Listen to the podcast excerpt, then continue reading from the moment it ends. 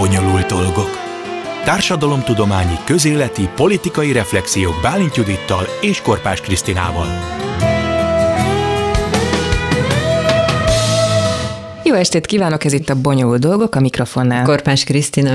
És Bálint Judit. Vendégünk a stúdióban Hevesi Flóra, a Greenpeace munkatársa. Szia, jó estét kívánunk. Sziasztok. Szia. És azt mondtam, hogy Greenpeace ebből azért úgy nagyjából ki lehet következtetni, hogy környezetvédelemről fogunk beszélgetni, hát, hát annak is ugye a klíma részéről, mert ugye a klíma állandóan okot ad arra, hogy pánikoljunk, és egyre aggasztóbb hírek érkeznek erről a témáról. Szóval azért gondoltuk, hogy beszélünk Flórával, mert hogy tényleg nagyon nagy a baj, megint megdöntöttünk minden létező melegrekordot, meg sőt hidegrekordot is az elmúlt pár napban, és nagyon sokan azon gondolkoznak, hogy ez mikorra érhet el egy olyan pontra, honnan már tényleg visszafordíthatatlan ez az egész történet. Sokan azt mondják, hogy már túl is léptünk ezen a ponton, illetve ha vissza akarnánk fordítani a dolgokat, akkor azt már mi már úgy se élnénk meg, hanem talán majd az unokáinknak jó lehet. Tehát így nagyon-nagyon komoly problémák vannak, de hol tartunk most te szerinted? Tehát, hogy klímaügyben mi az, amit még egyetlen nem mondtunk el? Szerintem szerintem mindenki mindent tud már.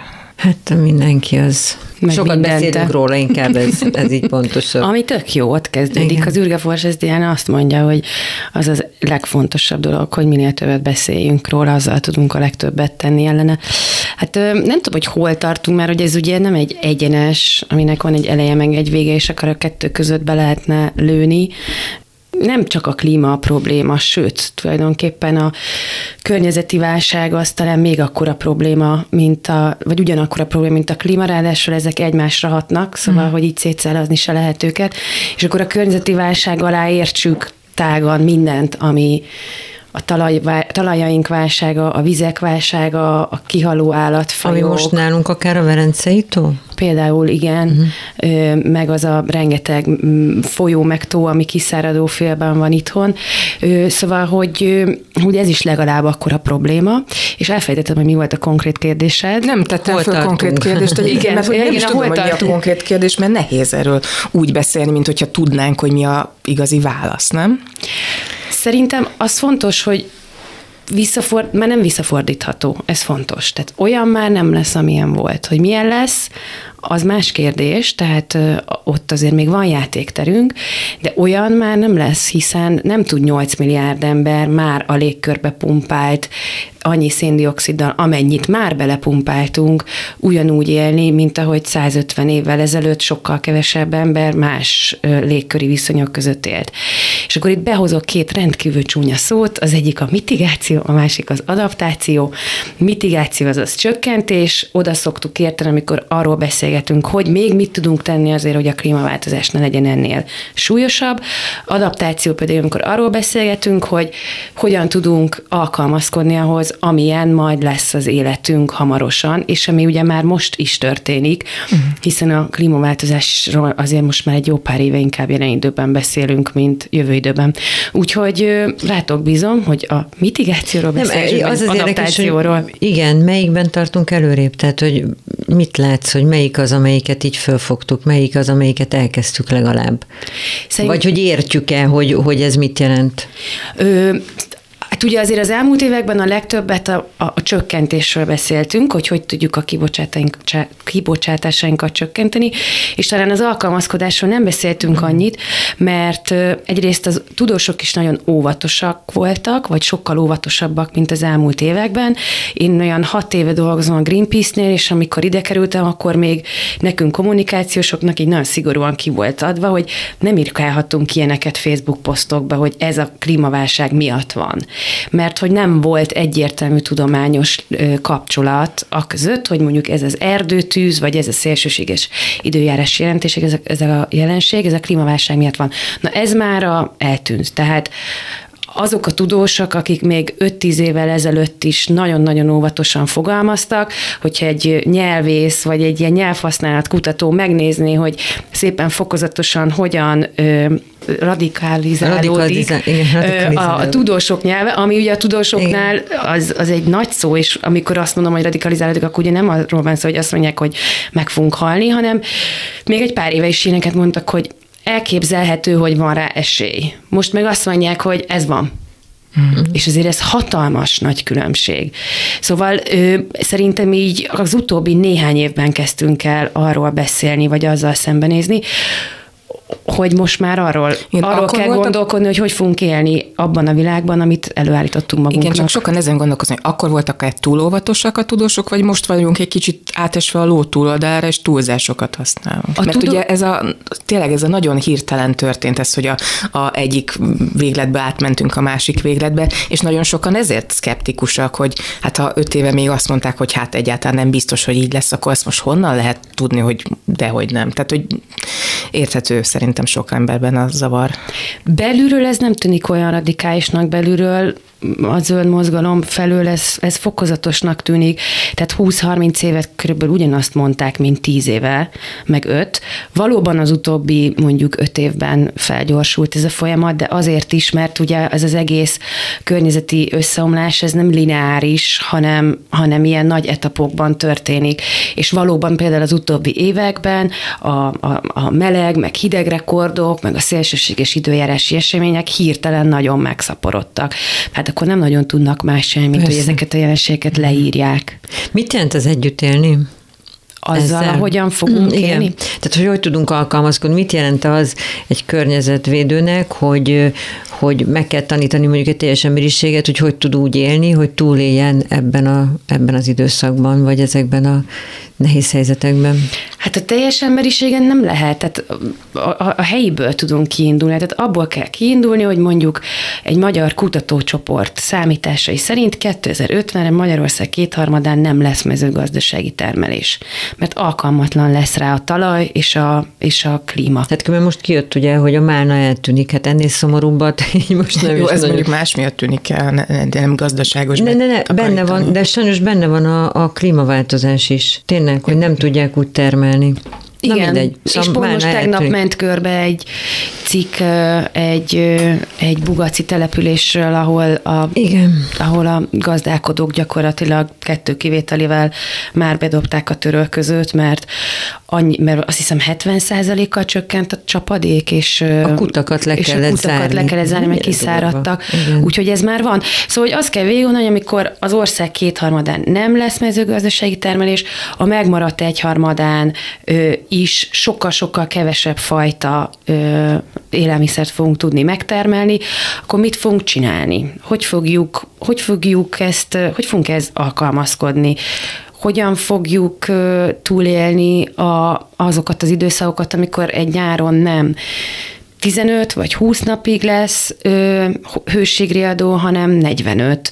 Ö, mit fogunk csinálni akkor, hogyha a csapadék az ugyanúgy, mint az elmúlt időszakban láttuk, soha nem egyenletesen fog leesni, hanem hosszú száraz időszakok mm. után hatalmas esőzések vannak, az egyik miatt kiszárad a talaj, a másik elviszi a termés felét, a vizet nem tudjuk megfogni, amikor kéne nincs, amikor nem Igen, kéne túl sok van. vannak azok. Szóval, hogy azért ezeket így végig lehet gondolni, és hogyha mondjuk én politikus lennék, és döntéseket hozhatnék, akkor, akkor én azért leginkább ezen dolgoznék, hogy ezen agyaljunk, és ezekre kezdjünk el felkészülni. És az a furcsa, hogy, hogy ezek, amiket elmondtál, ezek tulajdonképpen pont ellentmondanak annak, amire felé kéne menni. Tehát, hogyha azt mondom, hogy hogy fogunk védekezni a hatalmas hőségek ellen, hogy klímával. Na most az borzasztó környezetszennyező, meg iszonyatosan rosszat tesz a klímahelyzetnek. Hogy ha eltűnik az, hogy magunk termesztjük,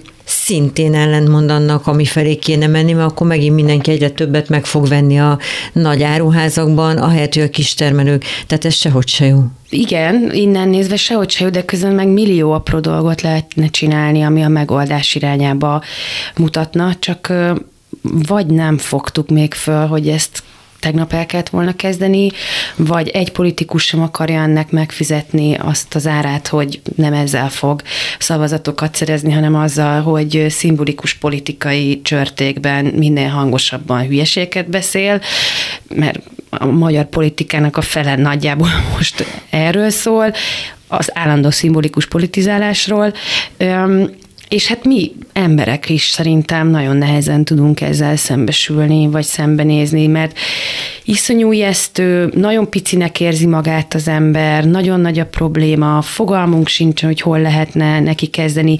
Még nekem, aki főállásban ezzel foglalkozom, is azt érzem, hogy egyszerűen képtelen vagyok azt a mennyiségű tudást összeszedni, mm. ami ahhoz kéne, hogy tényleg azt érezzem, hogy na, akkor én ezt erre tolok egy választ bármikor zsebből, mert hogy tulajdonképpen tényleg az egész ökoszisztémát, az egész, az egész bolygónak a nagyon-nagyon komplex rendszerét teljesen felborítottuk az erdőktől, az óceánokon át, a levegőn keresztül, a talajig, az állatokig, a vízig, mindent. Az a vita az teljesen lezárult, hogy az ember az oka ennek az egész borulásnak? Mert az ugye azért le. régebben egy olyan, mondtad, hogy 5 évvel ezelőtt többet lehetett hallani arról, hogy ez így is úgy is megtörtént volna. Most már kevesebbet hallom ezt, hogy ez amúgy is végbe ment volna ez a klímaváltozás, de azért még mindig lehet hallani, hogy ez valójában az embereknek ez olyan túl sok köze nem volt mindig lesz egy 20-30 százaléknyi ember, aki akkor is elmagyarázza, hogy miért nincs koronavírus, hogyha most vették le az anyukáját a lélegeztetőgépről halottan, és mindig lesz 20-30 valahány százaléknyi ember, aki, aki meg fogja magyarázni, hogy á, az nem is úgy van. Nekem a saját családomban egyetemet végzett, kifejezetten kvalifikált, értelmiségi unokatestvérrel belefutottam egy ilyen vitába pár hete. Én ne, nem tudok már ezzel foglalkozni. Én az, az arra a 70-80 százalékkal szeretnék beszélgetni, akivel már nem innen indulunk, mert nem lehet a, nem lehet a, a hülye kisebbségre optimalizálni a, a beszélgetést. Hát nem csak ugye könnyebb ugye úgy gondolkozni a jövőről, hogy, hogy ahhoz nekem nincs közöm, Persze. hogy hogy alakul. Egyébként miért? Egyébként most tényleg ezen gondolkozom, hogy... Nincs felelőssége az embernek talán. És ilyenkor. amikor ott fogsz állni, és lesz egyfajta krumpli, és az utolsó szem krumplit elviszi a éppen aktuális kártevő, mert sikeresen a több százféle krumpliból eljutottunk udáig, hogy egy vagy két fajta ez... maradt, és nem lesz mit tényleg, nem mindegy, hogy miattunk történt ez, vagy sem. Igen, de ezekkel így nem akarnak szembesülni, ez veszőparipám, úgyhogy biztos mindenki már nagyon utálja, mert én pont a, a, a Covid-nál jöttem rá arra, hogy Jézus Mária, tehát hogy mit várunk el a klímahelyzettel kapcsolatban, amikor az embereknek azért kéne bármit tenniük, hogy most teszek valamit, hogy 50 év múlva, ezt mindig elmondom, de egyszerűen tényleg nem értem, 50 év múlva legyen valami, amikor azt sem fogják föl, hogy most teszek valamit, hogy két hét múlva ne kerüljek kórházba. Tehát, hogy akkor mi a remény arra, hogy itt olyan dolgok történnek, de mindegy, ezek ilyen A remény az az, hogy már nem az 50 év múlváról beszélünk. Tehát hanem a holnapról. Hát meg a máról. Uh-huh. Tehát amikor majd megjelenik egy, vagy tegnap egy cikk arról, hogy egy falu, Igen. az gyakorlatilag bedobta a törölközött, és nincs. Tehát ott most már úgy tűnik, hogy mezőgazdasági termelés nem lesz. Amikor azt látjuk, hogy a, hoztam mindenféle számokat, de ne, keveset fogok egy elmondani, hogy hat éve még egy folyóvízünk sem volt kiszáradó. Hat éve. Gondold el, hogy mit csináltál hat évvel ezelőtt. Most pedig 37 Jézusom. van kiszáradó félben. Akkor nem az 50 év múlvára beszélünk, hanem a mostról. De, és hogyha megoldásokról beszélünk, mert azért a, a, ahogy az egészséges étkezés, ugye ez a fajta gondolkodásmód és életemben vigyázok a környezetemre, hát ez rohadtul nincs megtámogatva. Tehát e, iszonyatos mennyiségű energiát, pénzt, odafigyelést igényel, sokkal egyszerűbb úgy élni, hogy ezekkel nem foglalkozol egész nap rohansz, otthon vannak a gyerekeid, tehát ez tényleg odafigyelést igényel, és nagyon sokan erre képesek, és őszintén le vagyok nyűgözve, én csak minimális szinten, és ezért szégyellem is magam, de hogy hogy lehet ezt úgy megugrani, mert gondolom, hogy ezekből ilyen, inkább ilyen felsőbb támogatás kéne, tehát hogy, hogy, hogy tényleg, ahogy mondott, hatalmak határozzák el, hogy mint hogy a műanyag. Ez például mennyire látszott intézkedés, hogy a műanyag szívószálat kivonjuk? nem látszott intézkedés, mert nem csak a szívószálat vonja ki, Ez hanem... volt is például. A, hát ott csak korlátozás van, hanem egy csomó más, tehát a tányérokat, evőeszközöket, ez, ez egy tök jó, ez egy tök jó előrelépés. És az, ami van, hogy úgy nőttünk föl, hogy azért nagyon jó a műanyag, mert nem kell a fákat kivágni a papírért, és most meg mindent papírra De tényleg így nőttünk föl? Tényleg. Tényleg, Én hát vigyázzunk a papírra, mert fiatalabb vagy. vigyázzunk a papírra, vigyázzunk a papírra, mert mégiscsak fákat kell kivágni. Jó, de az én nagymamám ezt például elmosta a műanyag zacskót egy használat után, aztán használta, ameddig az el nem Ráadásul, nyújt de hogy teljesen. nem volt ez, hogy a papír az, az, az nagy érték, az nagy kincs, mert mégiscsak fákat vágunk ki, és szóval, hogy Igen, de szerintem a kulcs az, az, amit a Judit mondott, hogy, hogy az én... Ésszel. Hát, hogy az én, én nagymamám semmit nem dobott el. Uh-huh. Tehát, hogyha a, a hatékonyságnak a mintapéldányot akarjuk látni, akkor az egy háború előtti, vagy mondjuk még azutáni háztartás, ahol, ahol minden egyes darab az, az hasznosításra mm. került, minden krumplihéjból az állatoknak lett étel, a száraz kenyérből zsemlemorzsa, a nájlonzacskót elmosták, a, a Igen, csak mondom, hogy nem itt tart a világ. Érted? Tehát, hogy ez egy olyan borzalmasan nehéz dolog, mert a világ De közben érzed- ezerrel fejlődött. De hogy miért érzed azt, hogy annyira nehéz? Iszonyatosan meg leegyszerűsítették az emberek életét azzal, hogy becsomagolva odaadják. Ugye az amerikai filmekben is azt láttuk, hogy megy a nagy papírzacskókkal, kidobálja a cuccokat, ők is itták folyamatosan a papírpoharat, eldobták. Tehát ez egy ilyen életstílus volt, ami nagyon sok mindenkinek De nagyon gyorsan is. bejött egyébként, Borzasztó nagyon gyorsan meg ezt is változtatni, És egy nyilván. olyan kényelmet ad, aminek a leszámolásával sokat kéne foglalkozni ahhoz, hogy ezt meg tud tenni. Tehát szerinted, ha valaki úgy gondolja, hogy most ezt én elkezdem, mik azok a lépések, amik, amik igazán hasznosak, és amiket be tud építeni az életébe, és sokat segít velem? Szerintem az talán a legegyszerűbb, hogyha minden tárgy, amit éppen megvennénk, vagy éppen eldobnánk, egy pillanatra megfogjuk és végig hogy az honnan jön. Honnan jön, vajon mi kellett hozzá, mit kellett hozzá kibányászni, mit kellett hozzá előállítani, miből állították elő, vajon mennyi energiaigényel, és amikor ezt így végig és akkor azt mondanánk, hogy na, akkor én ezt megveszem, vagy na, akkor én ezt eldobom, akkor lehet, hogy, hogy, hogy ott hozok egy másik döntést, hogyha végig hogy ez micsoda ö, micsoda pazarlás. Ugye az, a, az történik, hogy megás nélkül tárgyakat megszerzünk, ezeket nagyon rövid ideig használjuk, és aztán eldobjuk.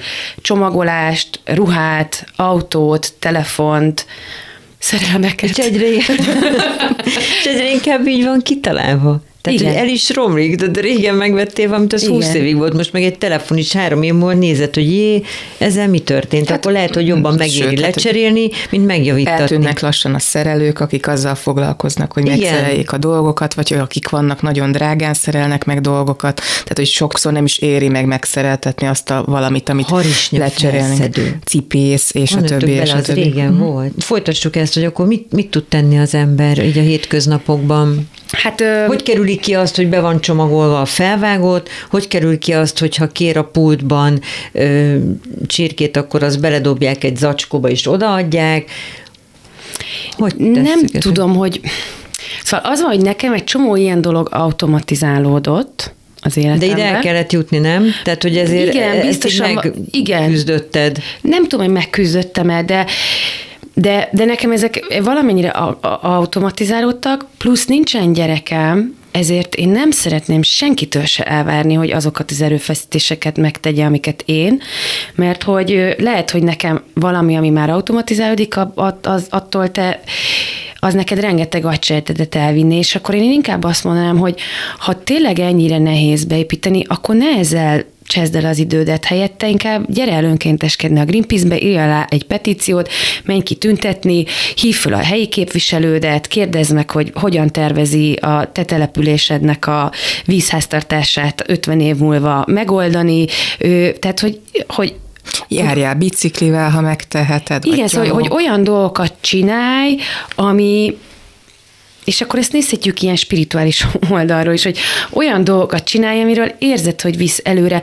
Nem kell nagyon hosszan azon, azon vacakolni, hogy most akkor ezt a parizeres izét, csomagoló anyagot, most akkor ezt elmossam, nem mossam, ide dobjam, oda dobjam. Tök jó, hogyha ezek automatikusan mennek, de ha nem, akkor szóval, hogy nem ezen múlik. Azért ezt, ezt ezt sejtjük, hogy nem ezen múlik. Én beépítettem 8-10 dolgot az életembe, nekem ezek nem okoznak olyan különösebb problémát. Egyébként nyilván a, a, a vidéki házban, ahol sokkal... Miket építettél meg? Hát ugye ott, ott, ott nagyon érdekes, mert abban a pillanatban, hogy van ott egy kertem, ö, abban a pillanatban sokkal nagyobb a játékterem. Ugye minden, minden, ami komposztálható, az a kertbe megy. Csináltam egy komposztvécét kint a kertbe, az egy ilyen nagyobb beruházás volt, de akkor onnantól kezdve nem az ivóvízzel öblítjük le a vécét, hanem faforgácsot szórunk rá, minden, ami elégethető, az a kájhába megy, és akkor marad az, hogy, hogy, a, hogy a bekerülő műanyag meg alumínium palackokat leviszem havonta egyszer a szelektívbe. Ez a városban már nem tudnám így megcsinálni. Tehát én például nem gondolom, hogy, hogy ezt valakinek a városban ugyanígy kell csinálni, mert nincsen kájhája, és egy lakásba komposztálni egyre jobb megoldások vannak. Igen, most már azért nagyon sok Szuper, szóval aki, aki megtalálta a megoldást, annak gratulálok, és, és halleluja csinálja, de az például pont egy olyan dolog, ahol azt gondolom, hogy az államnak kéne belépnie, és megoldania hmm. azt, hogy, a, hogy, hogy komposztáljunk. Szóval, hogy, hogy így valahogy úgy, úgy annyira szeretném az emberekről ezt a hatalmas terhet levenni. Hát hogy igen, mert ráadásul ugye, hát, oké, hogy tényleg ezek nagyon fontos dolgok, és minden egyes apróság biztos nagyon sokat számít, de ez például, hogy a különböző ipari államok széndiokszid kibocsátásába azért túl sok szerepet, vagy túl sokat nem tesznek hozzá, hogy az ne legyen akkora, amekkora. Tehát, hogy, hogy tényleg az ember pláne próbálná saját maga, magára venni ezt a felelősséget, hogy én megoldom, amit meg tudok oldani, de tényleg nem ezeken múlik, hanem nézzük meg azt, hogy egyes Vagyis, országok igen. Szerintem is. Kibocs... Igen, de azért olyan kicsi krumplik vagyunk, ugye? Tehát így, hogy... De közben nézd meg, hogy ezek az alulról jövő dolgok kényszerít építették ki azokat a dolgokat, amik aztán megtörténtek. Tehát, hogy bemész egy nagy áruházba, és most, amikor megnyomod azt a gombot, én már nagyon régóta úgy vásárolom a zöldségek, gyümölcsöket, hogy nem veszek zacskót, hogyha nem viszek magammal, hanem tudod, így magára ráragasztom. És most már ott van az opció hozott zacskó, ezt nem tudom miért Persze, csinálják. Ez mondom, csak én nem magára mondtam, hogy ezek izé, nem fontosak. Csak azt mondom, hogy ezek így kikényszerítik talán. Most nem, nem mondom, hogy ezek Igen. nem fontosak, de ha ezek nem történtek volna meg, attól lelassult volna a klímaváltozás, attól jövőre nem lenne melegebb, mint idén? Hogy lehet tényleg kikényszeríteni a nagy cégektől? Mert valószínűleg ez a legnagyobb probléma, nem a környezetvédő cégeknek, hogy hogy tudják kikényszeríteni az, hogy aláírják már a Párizsi Egyezményt egyre többen, ez oké, okay. de hogy lehet kikényszeríteni, hogy egyrészt be is tartsák, ne pedig csak egy ilyen, oké, okay, én aláírtam. A cégek vagy az országok? A cégek. A cégek? Hát sokféle kreatív módon, tehát ugye azért mondjuk a, voltak sikeres bolykott, bolykott kezdeményezések, sok, minden, szóval, hogy, hogy a bolykott az egy, az egy létező dolog, hogy hogy lehet ügyesen megszervezni egy bolykottot, az, az más kérdés. Lehet nagy környezetvédő szervezeteket támogatni, vagy oda elmenni, és akkor ott mindenféle tudás van arra, hogy hogy lehet cégekkel lobbizni, vagy cégeknél lobbizni. Nyilván a, a, a social media egy újabb területet adott, mert nagyon-nagyon brandérzékenyek ezek a cégek, és azért amikor egy-egy cégnek mondjuk így a több ezer aktivista a social mhm. media felületén megjelenik, akkor azért azt nagyon megérzik. Szóval, hogy erre vannak, vannak kreatív, kreatív eszközök, de ide, hogyha valaki egyszeri állampolgár, és egyébként van napi fél óra szabad ideje, akkor ha csak nem ez a nőnüké, akkor szerintem akkor nem biztos, hogy azzal fogja tölteni, hogy, hogy, hogy nem tudom, Igen, ezek a környezetvédő cég. De ezek a környezetvédő cégek, ezek érzik azt, hogy tehát ti a Greenpeace-nél látjátok azt, hogy van remény arra, hogy fölfogják ilyen szinten is? Tehát világszinten, vezető nagyhatalmak szintjén? A cégek is, vagy a politikusok? A mondjuk a politikusok, igen. Hát persze, tehát azért ők nagyon... Ugyanazért, mert ez egy olyan trendi valami lehet, hogy ezzel szembe menni kínos, és, és Hát ez az egyik, igen, hogy nyilván ők iszonyú érzékenyek a választói akaratra, folyamatosan monitorozzák. Még Orbán Viktor is kiejtette a száján a klímaválság szót, amikor a x-edik mérésük bebizonyította, hogy ez az embereket érdekli, akkor hirtelen fontos lett. Egyrészt, másrészt ők is emberek, tehát ők is klímaszoronganak, nekik is vannak gyerekeik, akik hazajönnek az iskolából, és azt mondják, hogy apu, mi lesz velem. Aztán az, hogy milyen belső konfliktusokon megy át, amikor neki van valamiféle személyes meggyőződése, de a politikai realitás miatt mondjuk más döntéseket kell hoznia, azt nem tudom, az az ő dolga. De szóval, hogy azért azt nem lehet mondani, hogy ne javult volna a, abból a szempontból a helyzet, hogy egyre több ember, egyre mélyebben egyre inkább megérti, hogy, hogy baj van, és egyre több ember gondolkodik azon, hogy én, én mit tudok tenni emberként, cégvezetőként, egy KKV-nak a vezetőjeként, öm, taxisként, öm, helyi politikusként, anyaként. Szerintem egyre többen vagyunk, akik így ezen gondolkodunk, nem? Hát de, csak még egyszer kérdezem, tehát hogy az, hogy mi így gondolkodunk, és szelektíven gyűjtünk, és a többi, és a többi. Tegyük föl, hogy mondjuk a 8 milliárd emberből 4 milliárd holnaptól így fog élni, akkor visszafordul, megáll, újra jönnek az évszakok, megint megtelnek a tavak, és, és visszajönnek a nem tudom én a sokféle bogárkák a világ. Ez, ez, tehát, hogy, hogy te is látod, hogy mennyire bonyolult az uh-huh. ökoszisztéma, nem? Tehát, De. hogy, hogy, hogy nem, nem tudjuk leírni. Tehát az van, hogy van egy iszonyú magas technikai tudásunk, ami szuperül segít abban minket, hogy egy perc alatt tönkre tegyünk bármit, és egyáltalán nincs meg a bölcsességünk ahhoz, hogy azt felfogjuk, hogy hogy tudjuk viszont megjavítani. Hmm. Tehát egy, egy, ha megnézel, én nem vagyok biológus, de a biológus meg ökológus kollégáim olyan történeteket mesélnek arról, hogy milyen elképesztő fejlett szinten képesek növények társulásokat létrehozni, hogy, hogy van, aki egy három növénynek a társulását kutatja 40 évig, és még mindig le van attól nyűgözve, hogy hogy van ez kitalálva, hogy ez a bogárnak azért sár, most hülyeséget fogunk mondani, azért sárga a szárnya, mert akkor ha azt meglebenti, akkor azon úgy csillan meg a fény, hogy attól oda jön a nem tudom ki, és akkor az beporozza, és akkor aznak a gyökere. Tehát, hogy olyan, és ilyen sztorikból százat és százat tudnak mondani, tehát valami őrületesen komplex a, mm. a természet. Viszont összefügg minden minden. És minden minden összefügg, ebben mindenféle módon belenyúltunk, semmilyen módon nem tisztelve a természetnek a törvényeit, és most vagyunk azon a ponton, hogy akkor megpróbálhatjuk eldönteni, egy picit visszalépünk, picit megpróbáljuk befogni a szánkat és megfigyelni, hogy egyébként, ha nem avatkoznánk mindenbe bele, akkor hogyan történnek a dolgok, és aztán nagyon szeliden megpróbálhatunk segíteni valamit így a visszaállítás felé. Hm. Szerintem körülbelül ez, amit így most a természet védelemmel foglalkozó emberek így próbálnak próbálnak csinálni. Igen, csak tudod, hogy az ember az tényleg olyan, hogy azt látja, hogy ilyen kilátástalannak tűnik, pláne, hogyha az ember ebben nincs benne nap, mint nap, hanem azt látja, hogy csinálhatok én bármit, tényleg így, így komposztálhatok meg, amit csak akarok, de attól még ez a történet, ez szalad bele a mhm. szakadékba, uh-huh. és akkor jó esetben ilyenkor az ember azt mondja, hogy jó, hát akkor nem baj, még holnap is szelektíven gyűjtöm a szemetet, de, de lehet, hogy azt fogja mondani, hogy hát akkor toljok ebbe az egészbe, beszerelek három klímát a, a nappaliba, aztán beülök a dízelautóba és megyek ahova akarok, mert innentől kezdve úgyse tehetek semmit. Speciál az autóknál most lesz változás. szóval úgy nagyon nehéz, hogy még csak azt se lehet megmondani, hogy ha most ez van, akkor 20 év múlva ez lesz, és akkor 40 év múlva esetleg ez lesz, mert hogy ennyire előre nem tudom, hogy lát-e bárki, mert ugye még mindig nagyon sok a bizonytalanság, legalábbis amit én látok az ilyen különböző klímamodellekben, az egyik szerint 10 év múlva omlunk össze, a másik szerint majd csak 30 év múlva, de összeomlunk.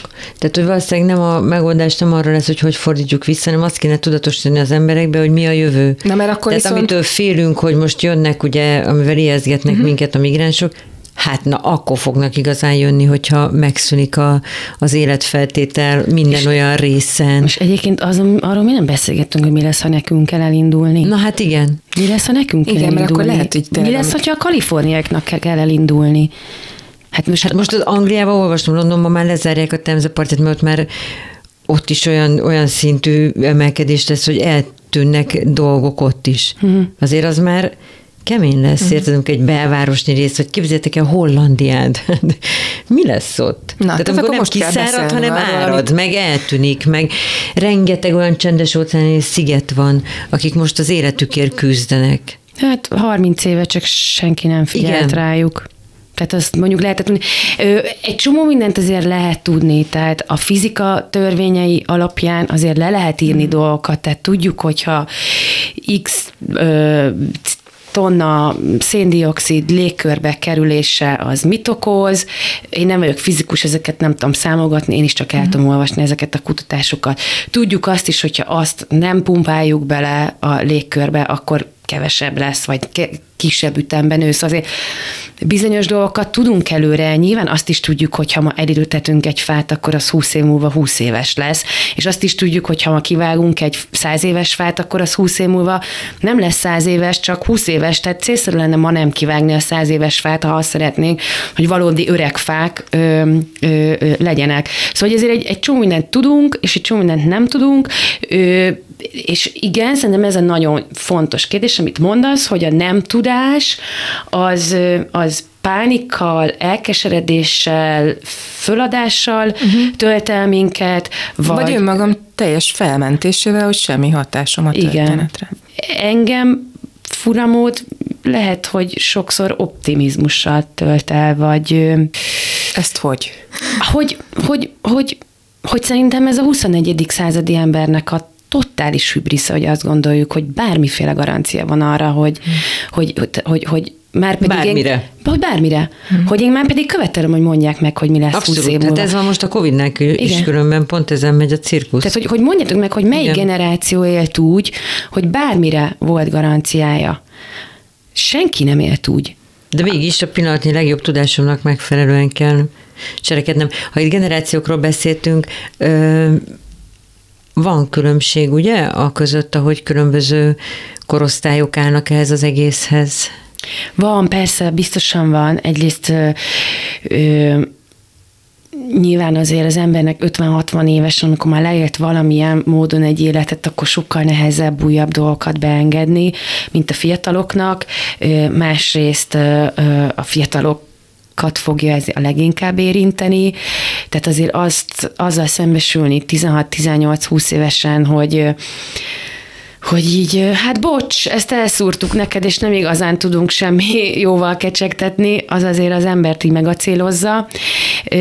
De közben meg olyan, olyan furcsa ellenpéldákat is látni, tehát nem tudom, emlékeztek-e az Extinction Rebellion nevű erre az Angliából indult csapatra, igen. Magyarországon is vannak, de itthon főleg fiatalok vannak benne, viszont az angoloknál ott arról lettek híres, hogy tavaly, vagy tavaly előtt, még a Covid előtt le, lezárták az Oxford Circus-t, meg ott mindenféle mm. ilyen nagyon komoly belállós akciókat csináltak, és ott például rengeteg középkorú, meg nyugdíjas korú ember volt, orvosok, nővér, ö, nem tudom, nyugdíjas tanár, akik, akik meg pont azt mondják, hogy a fiataloknak, ö, hogy, hogy hogy a fiataloktól nem, nem, ér, nem, nem, nem ér pont tőlük elvárni, hogy oldják meg, amit uh-huh. egyébként mi hagytunk rájuk.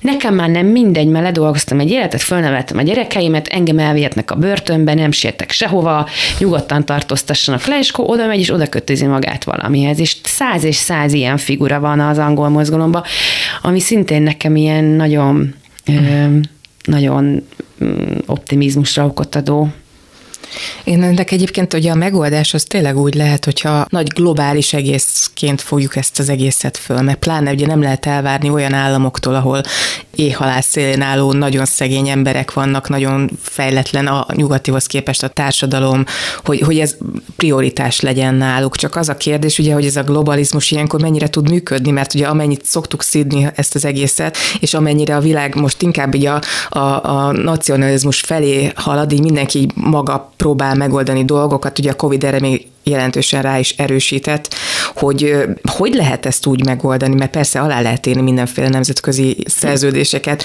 csak éppen azt nem látom én, de lehet, hogy te jobban látod, hogy ezt hogy lehet a gyakorlatban megcsinálni, hogy ezt a világ klímáját úgy világszinten oldják meg az emberek.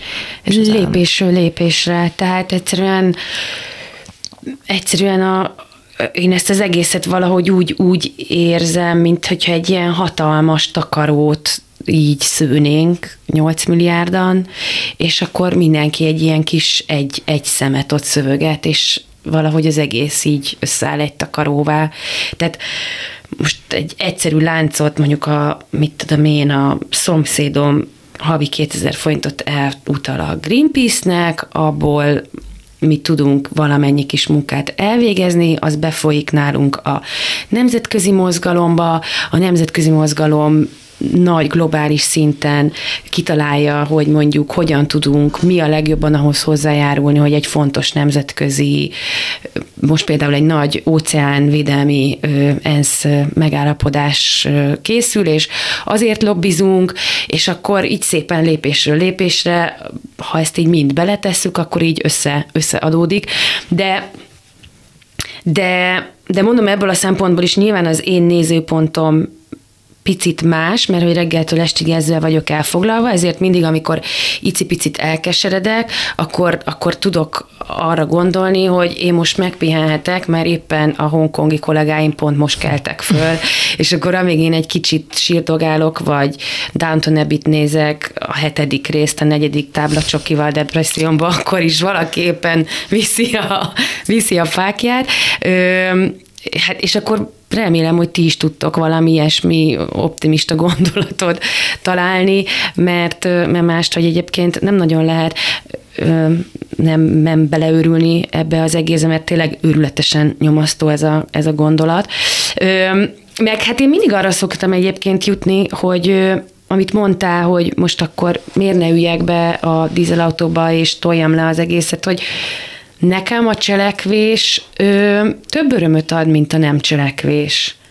Tehát, hogyha valahogy már odáig eljutottam, hogy látok egy problémát, már nem, már nem tudok vak lenni rá, akkor, akkor bennem nagyobb boldogság születik attól, hogyha megpróbálok tenni ellene, mint hogyha csak azért sem, mert azt mondom, hogy de hát nem tudom, hogy most mhm. mit tehetnék. Persze, hát meg főleg ez, hogy, hogy kisláncszem vagyok, ez, ez, ez, ez nem igaz. Hát mindenkinek meg kell tennie, de ugye egy több dolog jutott eszembe, hogy például, amiről már szintén beszélgettünk, hogy hogy lehet úgy átadni a gyerekeknek ezt, az egész környezettudatosságot, hogy ne tegyünk rájuk még egy pakkot, amit összorongani lehet, mert azért ezekben a Covid vészteres időkben van elég bajuk.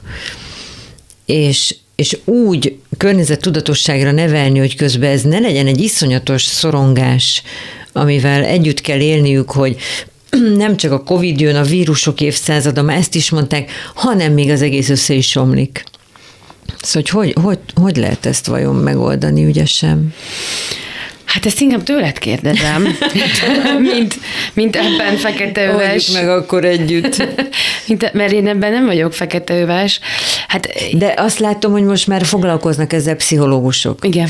Sőt, azt láttam, hogy van, most lesz valami előadás, vagy volt valami verseny, vagy nem tudom, pályázat, ahol már konkrétan ezzel foglalkoztak, ugye? A, azt hiszem a Greenpeace-ben, de nem biztos, hogy egy kicsit így feloldani ezt a klímaszorongást. De hogy akkor ezzel foglalkoznunk kell szerintetek is, ugye?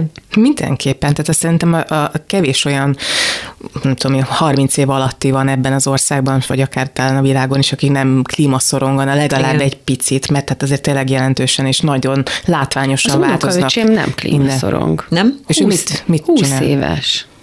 Én megkérdeztem a gyerekeimet, hogy klímaszoronganak, azt mondták, hogy így nem, de hogy persze, borzasztóan foglalkoztatja őket. Én azt láttam például az unokaöcsém egy nagyon jó gimnáziumba járt, kifejezetten egy elitpesti gimnáziumba, most a Corvinusra jár, és olyan hidegen hagyja őket, legalábbis innen nézve, ahonnan én, én nézem. Most pont voltak nálam egy, egy hétvégét, kölcsönkérték a házat, és hajnali ötkor ilyen nagy tacepaukat készítettem, hogy körülbelül így a minimumát próbálják már meg teljesíteni annak, hogyha egy kertben, egy, egy, egy vidéki házban ott három napig vannak, akkor, akkor a lehető legkisebb lábnyomot hagyják ott. Egyébként és akkor azt gondoltam, hogy biztos ki fognak majd röhögni, hogy a unokaöcsémnek a hülye gyogyós zöld nagynénye itt izé cseszegeti őket ilyen instrukciókkal, hogy mit hova dobjanak, de azt mondta, hogy jól, jól vették, végül is egész jól vették, tele volt a kert, meg a ház ilyen de ez, ez tök jó, ez feliratokkal. De, és a másikra még így a szegénységre visszatérni, hogy rendben van, hogy mert ugye iszonyatosan nagy probléma a füst, amit eregetünk, és az, hogy bizonyos részeken tényleg olyan dolgokat égetnek el, aminek semmi keresni valója tűzben. Na de hát ezt hogy lehet megoldani, amikor azért égeti el, mert melegedni akar, és nincs mása? Hát úgy, hogy mondjuk a vadászati kiállítás összegéből Na, hát akkor mégis esetleg lehetne igen. támogatni azt, hogy jó minőségű tűzifához jussanak emberek. Tehát, de ha nem... hát de sok ugye? mindent lehetne egyébként, tehát ez az, amiről ugye beszéltünk már, hogy van erre például állami akarat, hogy, hogy ilyen történeteket felkaroljunk, például, hogy a házakat szigeteljük, amennyire lehet, támogassuk az alternatív építkezést, hogy dombházakat lehessen napelem. építeni. Hát még a napelem is, de például hogy a vályokházak, amiknél jobb szigetelőt, én, vagy nem is tudom, tehát úgy kevés van, és ugye arra most nincs egy árva szó sem, hogy, hogy a vályokházak, amit ha jól tudom, Magyarországon 30% a, a házaknak vályokból épült, ezeknek a felújítását egyáltalán nem támogatja az állam, hanem inkább azt mondják, hogy bontsák le, aztán építsenek helyette mást, miközben ott van természetes anyag, teljesen kézenfekvő, hogy ezt lehetne, hogyha jól csinálják használni, és mégsem. Nem lehet dombházakat építeni, mert az építési törvényben nem szerepel benne az, hogy dombház, pedig ha félig föld alatt van egy épület, akkor nyilván a szigetelése, a fűtése sokkal könnyebben megoldott, és akkor még millióért lehetne Hát most a Velencei tóra 10 milliárd nincs, és a vadászati kiállítás 70 milliárd. A hivatalos, amit tudunk. Na jó, hát igen. Csak ugye ameddig ezek nem jutnak el az emberekhez, ezek a hírek, addig mi a fenét csinálsz? Szerintem egyrészt eljutnak. De de azt gondolom, hogy egy olyan szűk réteget eléggé, néz. Meg figyeljetek azért, akinek ez igazán problémája, lássuk be, hogy az egy szűk réteg. Lehet, hogy ez egyre nagyobb, de amíg tényleg olyan problémákkal küzdenek, ami a mindennapi megélhetéséről szól, addig iszonyatosan nehéz elvárni, hogy még ezt is magára vegye ezt a terhet. De nem, nem ezt mondom, hogy, hogy én nem érzem, Ne legyen hogy, teher. Igen, hogy, hogy én nem én nem várom el senkit, hogy magára vegye ezt a terhet. Én azt gondolom, hogy ez mindenkinél előbb-utóbb beüt. Hát nem, tehát hogy hát ha nagyon be akarja csukni a fülét, hajrá fel, nem csukja, de hát azért látjuk, hogy robbanásszerűen nő az emberek Igen, ezért mondom, száma. hogy magadra venni. Tehát, hogy igen, ez egy teher, tehát mivel nehezebb ez az élet, ezért egy kényszer hatására cselekszel így, azért, mert fölfogod, hogy bizonyos dolgokat meg kell tenni. Igen, és hogy ez egy akarat, és ezt meg kell csinálni, de hát ez borzasztó fontos tenni, hogy ezt egyre többen fölfogják, hogy meg kell hozniuk ezt a döntést.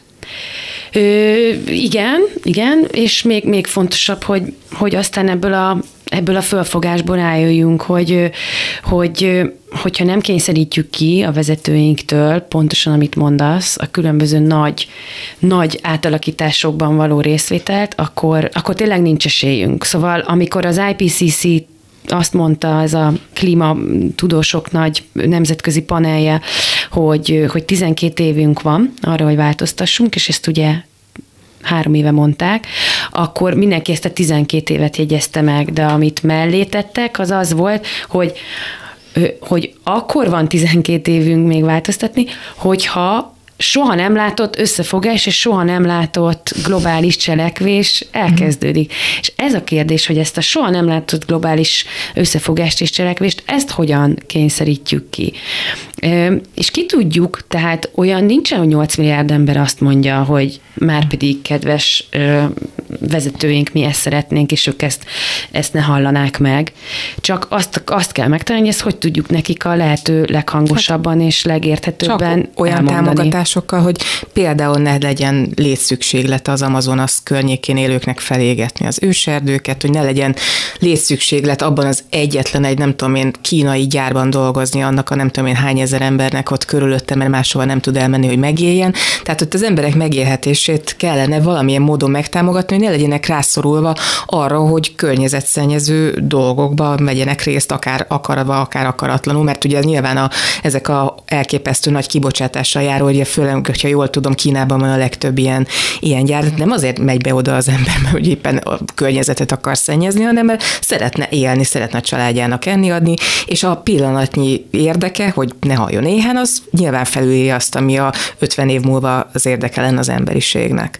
Ezt meg nyilván kihasználja az, aki ezeket a munkákat kiosztja, mert hát neki meg az persze, hogy jó, hogyha mennek, és működnek, és dolgoznak neki. Az Igen, de szerintem nekünk nem az a dolgunk, hogy a dél- dél-amerikai farmernek a problémáját megoldjuk, meg a, meg a kínai munkásét ez, erről gondolkodhatunk, mint intellektuális kaland, meg nyilván, hogyha érdekel minket a világ sorsa, és szeretünk tisztában lenni nagy nemzetközi folyamatokkal, akkor ez egy tök jó dolog. Nekünk az a dolgunk, hogy itt kicsibe mi megnézzük, hogy mi mit tudunk tenni. Kilenc hónap múlva itt egy választás lesz. Ti eddig mit láttatok, hogy a zöld téma mennyire volt magasan a... a, a bárkinél. Bárkinél. Ő, tehát, hogy oké, okay, nyilván én is felfogom, mert ebben az országban élek, hogy miről, még miről szól ez a választás, és hogy egyébként mi, mi, milyen, milyen hatalmas kérdésekben kell, kell itt mhm. majd kilenc hónap múlva az embereknek döntenie.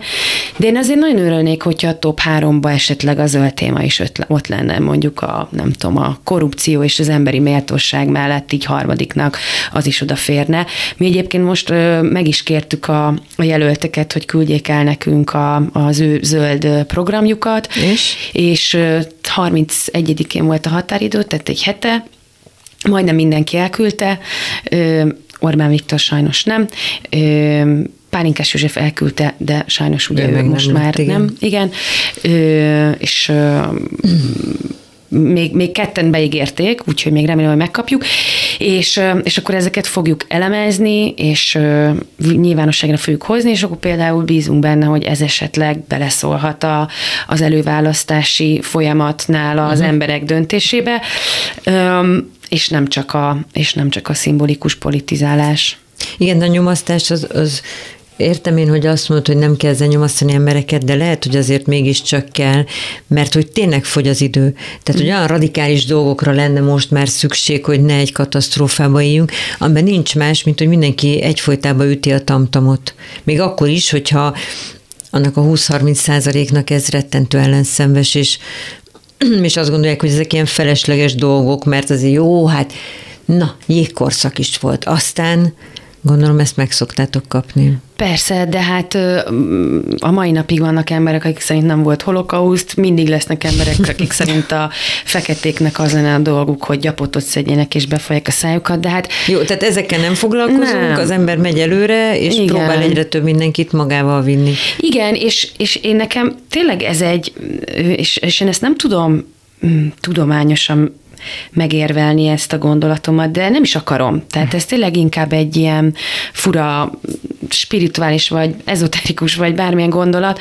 Bár lehet, hogyha matematikus lennék, akkor ezt, ezt le, be tudnám rakni egy képletbe, de hogy csak azon gondolkozatok, hogy hogy 30 évvel ezelőtt mondjuk 30 ezer ember gondolkozott ezen a témán, a tudósok, meg még néhány ilyen elvetemült környezetvédő, aztán ez 300 ezer lett, aztán 3 millió, most 30 millióan beszélgetnek, ugyanebben, vagy gondolkodnak ugyanebben a pillanatban erről, és gondoljatok el, hogy milyen hatványozottan megnő a lehetősége, uh-huh. vagy az esélye annak, hogy megoldásokat találjunk, Pusztán azzal, jó. hogy egyre többen bejövünk a, a játszmába. Tehát uh-huh. mi környezetvédőként, mi tudjuk verni a tamtamot, de én nem vagyok ö, egy startup vezetője, nem fogok tudni technológiai Na megoldásokat. De azokhoz, akik viszont igen. Igen. De... És, hogy, és hogy tök jó, hogy egyre többen beszállnak ebbe a munkába. A startupperek dolgoznak a pici megoldásokon, a nagy technológiai vállalatok bízom benne, hogy gondolkodnak a nagyobb technológiai megoldásokon, az ökogazdálkodók próbálják a, a a, a legszörnyebb mhm. mezőgazdasági szokásokat hátrahagyva új módszereket ő, kitalálni, szóval, hogy így azért egyre többen vagyunk, akik ebben... Most csak... volt egy autó bemutató, ahol már ne, csak zöld autót állítottak föl. Uh-huh. Csak én például azon gondolkoztam, hogy tényleg ez, hogy, hogy a politikát mennyire nem érinti meg ez a zöld kérdés. Hát a legnépszerűbb dolog lehetne, hogyha, hogyha akarnák tekintettel arra, hogy jövője talán még mindenkinek van. Ehhez képest ugye azt látjuk, hogy milyen nehezen szeditek ki a politikusokból a zöld témát, mennyire nem? félre vannak rakva, illetve hát ugye a, ha valaki próbál valami zöldítést végrehajtani, lásd a, ugye a fővárosban, hát az inkább egy nevetségtárgya lesz, uh-huh. mint, mint támogatott lesz. Bár mondjuk talán ez sem feltétlenül van így teljesen, de hogy nem állnak mellé egyértelműen a többiek, az is biztos.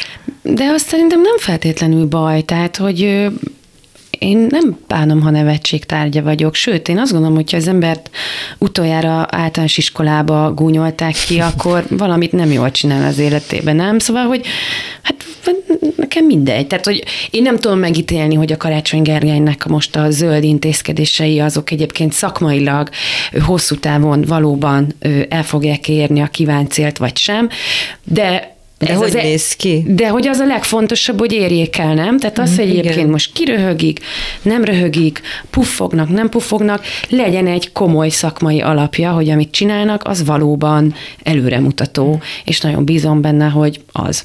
Meg hát ez egy politikai eszköz de jelen nem lehet zöld témával nálunk politikai Figyelj, sikereket bárhol, elérni. De szerintem mindenhol, tehát hogy az, hogy zöldek, az rögtön ilyen marginális lesz. Tehát vannak a nagy pártok, jó, hát azért nem mindenhol a világban, azért a zöldek is be tudnak jutni, de nem tudom, nem tudom, ez a biciklis olyan, de látjátok, szerintem ugyanaz, hogy nem szívesen adják fel a kényelmüket az emberek amikor hozták ezeket a biciklisávokat, uh-huh. én Isten bizony úgy örültem neki, a frászt kapom a biciklisektől, bevallom itt rögtön őszintén, más nem csinálok, amikor autóval megyek, mint azt nézem, hogy honnan fognak kijönni, meg minden. És szerintem tök jó, legyen biciklisávjuk, legyen meg az ő biztonságuk is, legyen meg az én biztonságom is. Ehhez képest emberek képesek voltak azon őrjöngeni, hogy ők a dugóban ülnek, és nem érezték, hogy ez mennyire visszás, és, és tulajdonképpen kínos, uh-huh. hogy ő erről beszél, amikor mások meg bicikliznek, és nem érzi, hogy legalább akkor ne írd le. Tehát ülj a dugóban szép csöndben, szégyeld magad, hogy te nem biciklivel mész. De nem kell szégyelni, azt gondolja végig, hogy tényleg az a kényelmes a körúton, ahol kettő percenként jön a villamos, és 300 forint egy jegy. Olcsóbb egy jegy, mint egy egyórás parkolás a belvárosba. Hogy tényleg az a legkényelmesebb, kínos, hogy a nyugatiból a Mester utcáig kocsival jövök el? Nem tudom. Biztos, tehát, hogy nekem Jó, is van autóm. azért a parkolással is összefügg, tudod? Tehát, hogy nem biztos, hogy le tudod tenni. Jó, ez már egy ilyen fővárosi közlekedési, igen. szervezési probléma, úgyhogy mindegy. De figyelj, az biztos, hogy, hogy, hogy nagyon-nagyon sok elképzelésünket megrengeti ez a mostani helyzet. A, a kényelemről való elképzelésünket, a szépségről való elképzelésünket. Ez az egész mélegelő ügy. Ez mm. azért robban be ennyire, mert azt gondoljuk, x éve, hogy a szép az a három centisre vágott ilyen, Gaz. Klinik, ilyen klinikailag Igen. tiszta gyeb. Na, de ilyen a városban sose volt, vagy csak nagyon kevés helyen. De, de, akkor, a helyeken, is, de akkor is afelé átségmozunk. Tehát ugye az az, az angol az a rendezett. Szép, amikor tök mindegy, hogy az a növény egyébként eredetileg odavaló, vagy nem odavaló, hogy az a növény, azt a növényt fossá kell izé, locsolni ahhoz, hogy egyetem megmaradjon, hogy az a növény egyébként kiírt, mert invá, inváziós növény, és egyébként más növények meghalnak mellette, az szép, akkor, akkor az ott legyen. És mellette pedig izé, szétlocsoljuk a gyepet, meg öt percenként vagdosuk, mert az a szép. Hát ez így biztos, hogy nem fog menni. Tehát ezt most már látjuk, hogy például a kertervezésben években tök, új trendek jönnek, amik picit megpróbálják a szép érzékünket tudatosan visszaterelni afelé, hogy mi lenne, hogyha megpróbálnánk meglátni a szépet abban, amit természetes. Például a mezejvirágokban, például olyan növénytársulásokban, amik amik ott önmaguktól is kialakulálnának, és nem folyton mi nyúlunk bele abba, hogy az ott valahogyan kinézzen, mert iszonyú fontos, hogy a kék virág mellett sárga is legyen, mert a színkatalógusban az úgy néz ki jól. És egyébként én magamon is érzékelem, hogyha egy picit megpróbálok így más szemmel nézni, a a tájra, hogy például, mit tudom én, még tíz évvel ezelőtt nagyon szépnek láttam a nagy repcemezőt, most ránézek, és csak azt látom, hogy atya, úristen, mennyi vegyszer van azon a repcemezőn.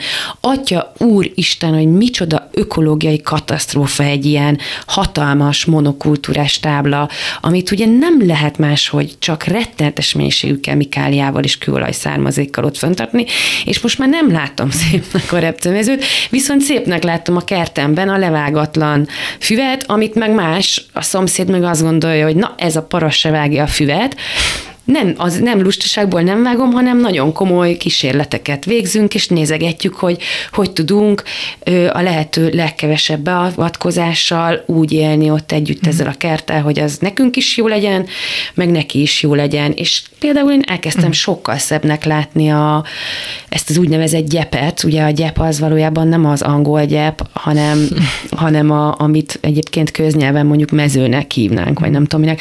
Szóval, hogy nagyon, nagyon sok-sok-sok változást szerintem ez kikényszerít belőlünk ez a helyzet, ami iszonyú fárasztó, de közben jó, hát az tök jó újra és újra átgondolni dolgokat, és újra és újra felfedezni valami. Na jó, de nem érzed azt, hogy nap végén szíved szerint lefeküdni, és soha többet nem kelnél föl?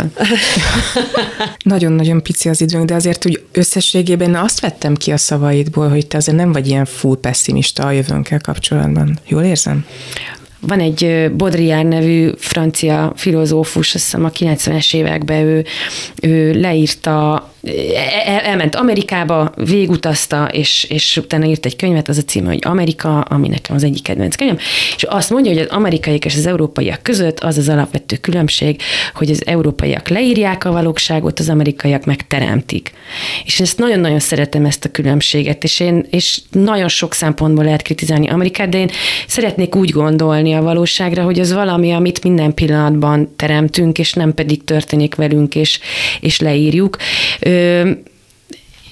és mondom, azért az optimizmusomat az nagyban táplálja, hogy én abban a fantasztikusan luxus helyzetben vagyok, hogy ez a munkám, egész nap ezzel foglalkozom, olyan emberekkel, akiknek nem kell állandóan magyarázkodnom. Akiknek szintén nagyon fontos. Igen, ahol otthon érzem magam, megértve, elfogadva érzem magam. Persze mondom, hogy az ember visé el a gúnyt, meg a, meg a nevetség kessé válást az elveér, de azért nyilván nem szeretném minden napomat így tölteni, szóval azért az nagyon jól esik, hogy be, bemehetek egy közösségbe, ahol, ahol nem kell magyarázkodnom. De hát részemről ez egy tudatos döntés volt, mert én nem tudnék most már nagyon mást csinálni, mert én ez, ez foglalkoztat reggeltől estig, akkor már inkább itt töltöm az időmet ebben a munkában, mint, mint, mint máshol. Úgyhogy igen, én, én ebből a szempontból optimista vagyok. Legyünk mind optimisták egy picit. Köszönjük szépen Hevesi Flórának, a Greenpeace munkatársának, hogy itt volt velünk. Köszönjük. Én is köszönöm. És ezzel a bonyolult dolgoknak a végére értünk. Köszönjük szépen a figyelmet. A műsort megtalálják a www.clubradio.hu-n, itt az archívumban megtalálható, letölthető, illetve most már podcastunk is van a Spotify-on, illetve aztán Apple Store-ban, vagy nem tudom hol. Tehát meg lehet keresni a bonyolult dolgok podcastot. Az infokukat clubradio.hu e-mail címre lehet nekünk írni, de megtalálnak minket a Facebookon is. Tartsanak velünk a jövő héten is, akkor újra jövünk. Elköszön a két műsorvezető. Korpás Krisztina. És Bálint Judit. Viszontalásra. Viszontalásra. Bonyolult dolgokról hallottak ma is. Jövő héten csütörtökön este hétkor folytatjuk.